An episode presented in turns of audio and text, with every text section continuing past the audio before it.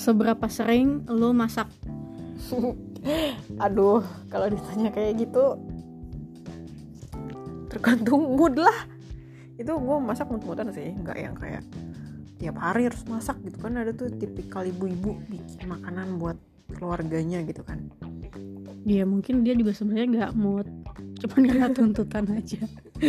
Gue gue sih gimana mood sih? Lo gimana? Lo sering masak ya? Enggak lah jelas anak jajan dong. Bisa dibilang anak jajan karena uh, seringnya gue lebih suka yang praktis gitu. Yang ya udah tinggal makan gitu. Cuma kalau lagi pengen jenis masakan tertentu yang agak spesifik terus uh, gue udah kenal banget tuh sama rasanya nih seperti ini gitu. Ya gue bisa aja effort untuk belajar membuat itu dan ketika gue udah bisa ya gue mendingan bikin sendiri ketimbang beli gitu. Setuju gue juga sih. Gue gue termasuk yang sama sih kayak gitu. Iya kan karena kita udah tahu rasanya itu nggak akan sama gitu. Kalau dibikin sama tangan orang tangan orang lain maksudnya. Iya makanya kayak uh, ya gue kalau misalnya nih ya kalau misalnya si jenis makanannya itu ternyata gampang buat di copy paste ya. Itu sih kalau menurut gue dan bisa dipelajari ya. Mm-hmm. kalau gue sih bakalan belajar dan ketika udah tahu uh, bebet bobot eh bebet bobot kayak apa ya? Ya maksudnya ketika kita udah tahu oh ini tuh kan bisa didapat dari ini ini kan bisa dapat didapat dari rasa ini ya kita spread aja dicampur aja udah di mix gitu. Kok di spread iya kayak sesimpel bikin salad gitu ya? Iya itu kan nggak sengaja ya. Iya. Kalau misalnya bikin salad gue baru discover tuh kayak hah ini dressingnya enak tapi kok kayaknya dressingnya ini deh feeling feelingan gitu ya. Iya. Itu daripada kita beli taruhlah misalnya tujuh puluh ribu ketika kita beli salad di restoran Jepang gitu ya. Kita bisa beli bahannya atau beli sayurannya sendiri terus beli dressingnya dan bisa untuk ya tiga hari lah gitu. Tiga kali makan. Tiga kali makan gitu maksudnya. Satu hari satu kali gitu kan. Iya yeah, maksudnya uh, enak sih. Kita kalau udah tahu kunci kuncinya nih apa yang dijual orang tuh sebenarnya gampang doable dan bisa dibikin banget. Iya bener. Tapi ada nggak makanan yang uh, lu lebih baik bikin sendiri ketimbang beli karena kalau beli udah udah tahu pasti rasanya zong atau tidak sesuai dengan yang lo harapkan. Ada gak makan di satu jenis makanan tertentu gitu? Comfort food kayak makanan asli daerah kita sih kalau menurut gue kayak apa misalnya? Uh, gue nih kan dari Sunda. Mm-hmm. gue tahu caranya bikin nasi liwet yang enak. Gue tahu oh. gimana caranya uh, bikin ayam goreng kuning yang enak gitu. Kalau menurut gue sih itu mending bikin sendiri. Oh iya iya Iya sih lebih lebih ke makanan yang emang kita udah kenal lama ya sama makanan iya, itu. Kayak kita bisa tambahin sesuai selera kita dan kita bisa perbanyak. Ya sesuai dengan selera sesuai kita selera juga. kita juga gitu. Iya bener-bener, gue setuju sih. Kalau gue ada satu makanan yang nggak bisa banget se se seingin apa pun gue makan makanan itu, tapi gue nggak bisa kalau makan itu beli kalau jenis makanan itu dibeli atau dibikinin sama orang. Apa tuh? Sarden. Oh jadi lu udah punya standar sendiri iya. tentang rasa sarden? Iya benar sarden kan rasanya begitu makanan kaleng. No. Masa sih? Justru itu justru itu. Gue tuh bisa bikin sarden yang menurut gue ini the best sih. Dan lalu mm, muji-muji masakan sendiri gimana sih? Enggak tapi memang memang Gak balik lagi dong. sih. balik lagi sih itu ke selera ya. Kalau sarden itu kan kita tahu sebenarnya udah kalengan gitu. Tapi uh, orang mengelola eh mengelola mengolah sarden juga enggak dari kaleng langsung dipanasin gitu aja dong. Tentunya dikasih uh, dimodif lah gitu. Dikasih tergantung orang kali. Ya tergantung orang. Tapi kalau gue tuh uh, dulu sih uh, nyokap kalau bikinin sarden tuh selalu dimodif gitu.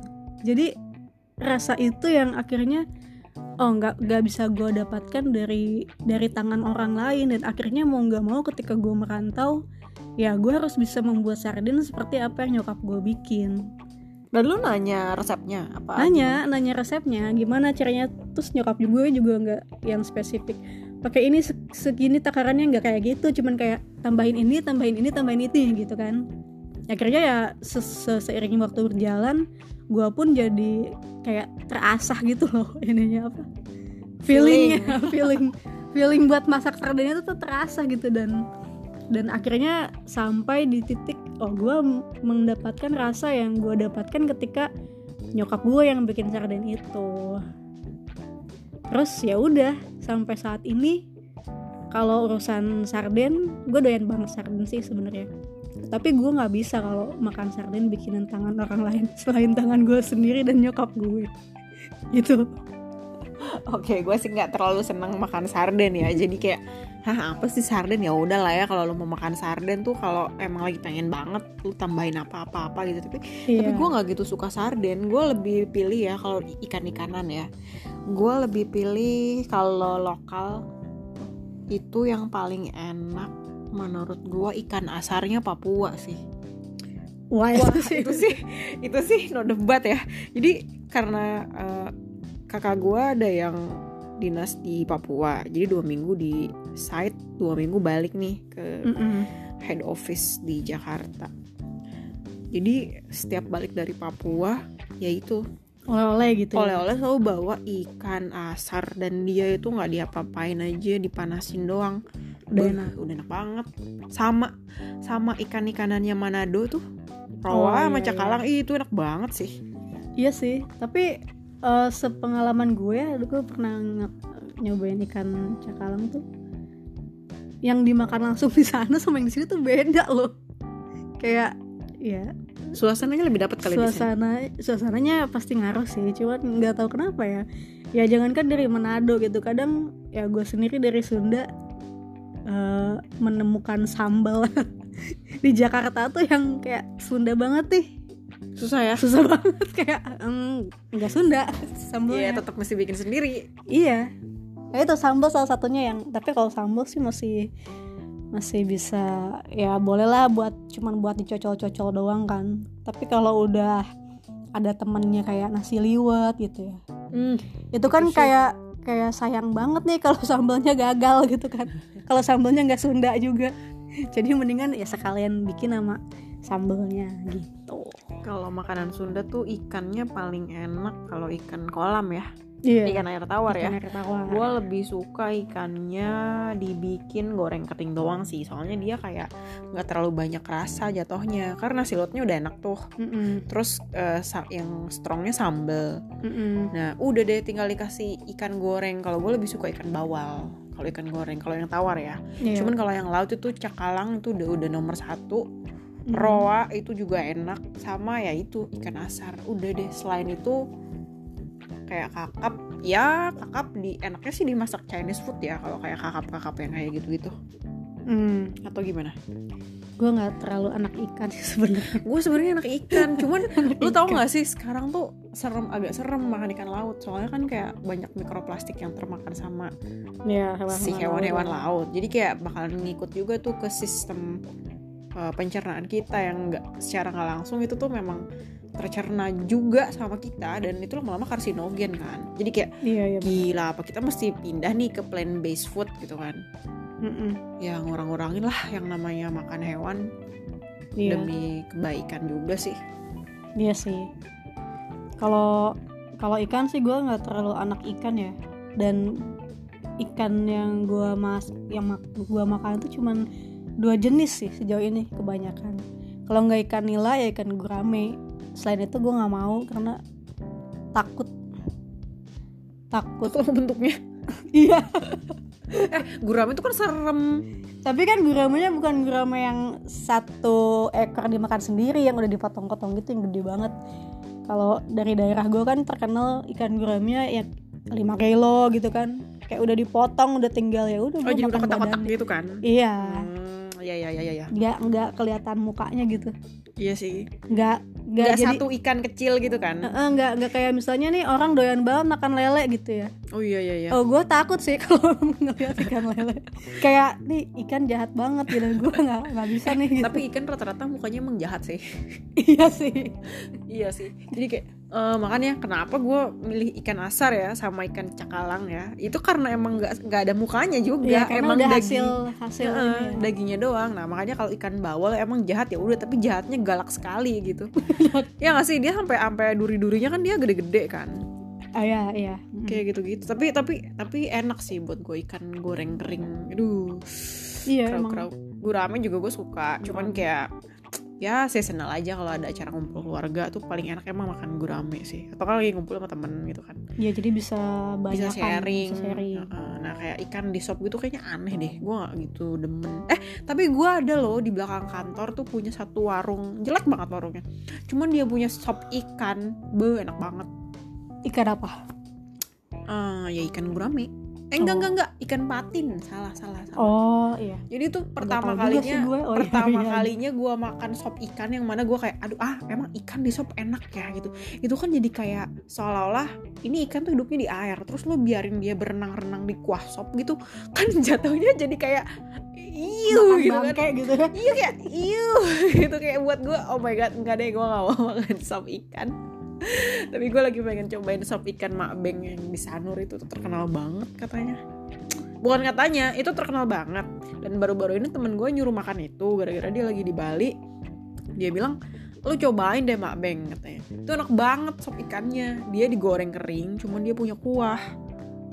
Jadi bukan di dalam sop yang lembek-lembek benyek gitu. Iya kayak menarik banget sih gue Oh, jadi- belum pernah nyoba. dia disajikan kering kayak iga bakar gitu ya tetap iganya dibakar tapi dikasih kuah sop. Bener konsepnya gitu. Dan menurut gue itu adalah konsep yang bisa diterima sama akal sehat gue ya itu boleh lah.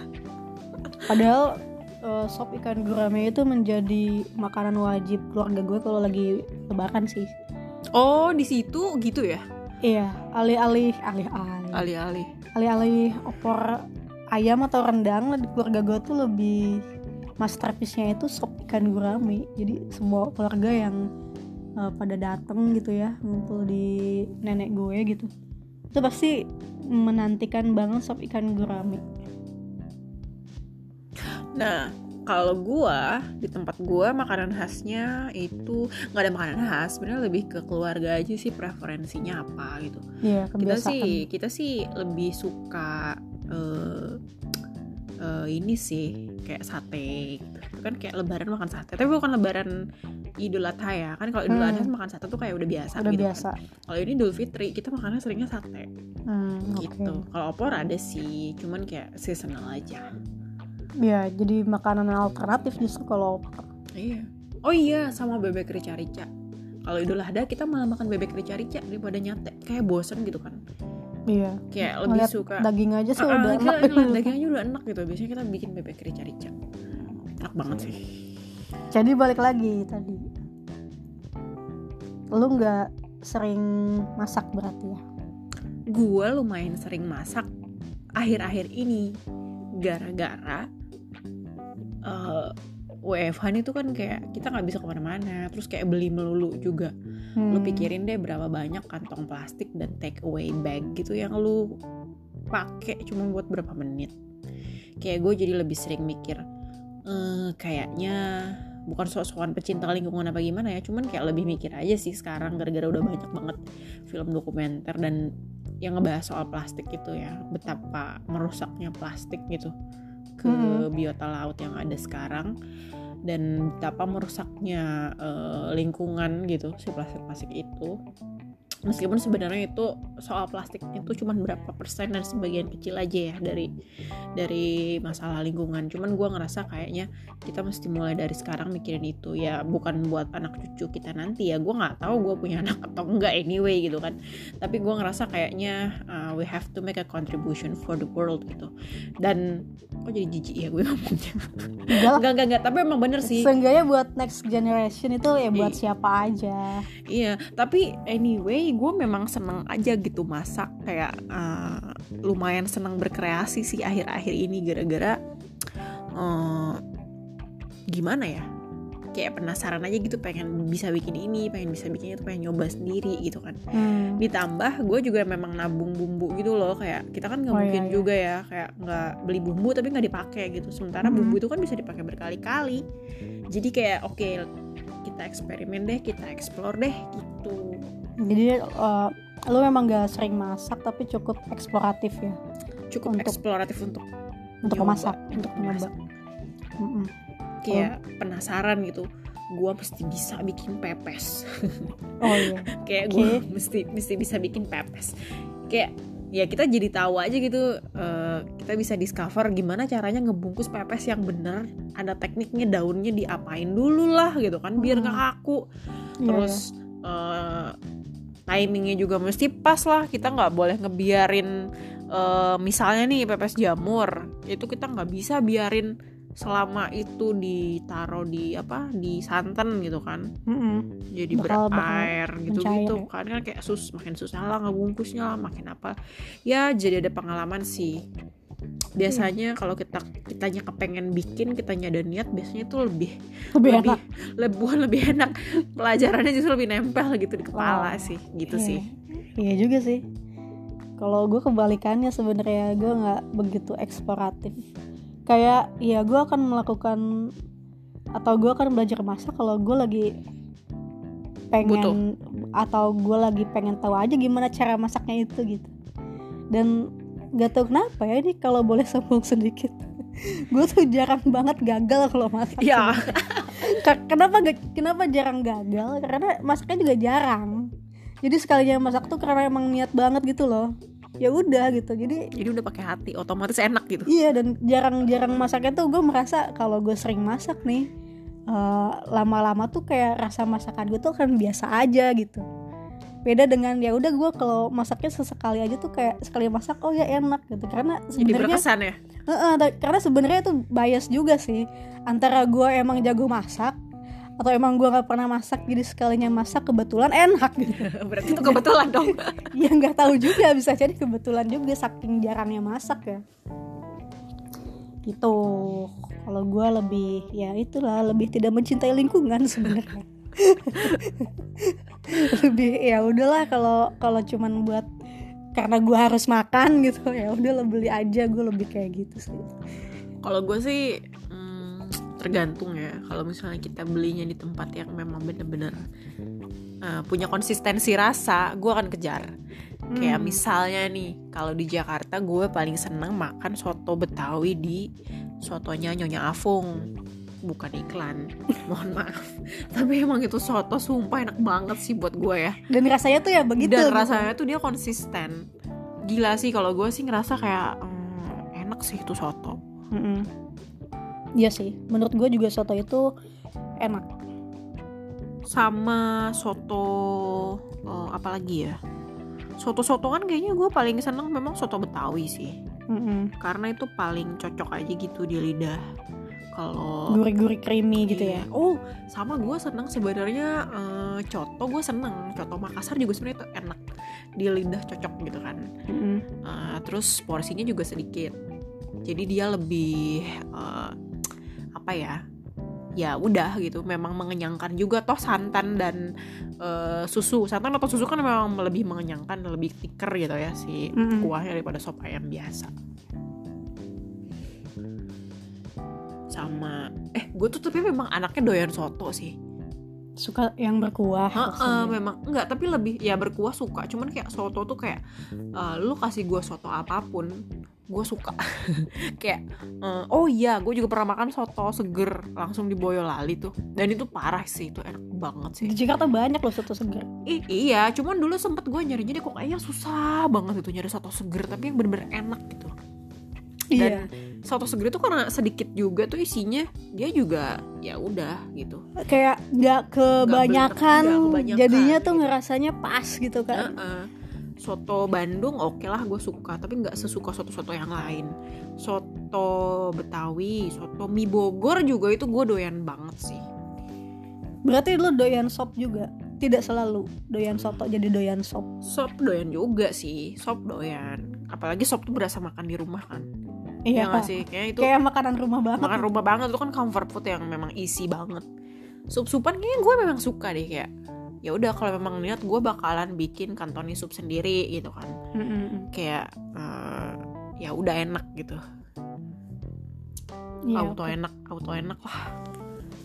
Iya, kalau gue kebalikannya lagi sih kalau soal makanan ya. Gue doyan soto, tapi ya soto apa dulu.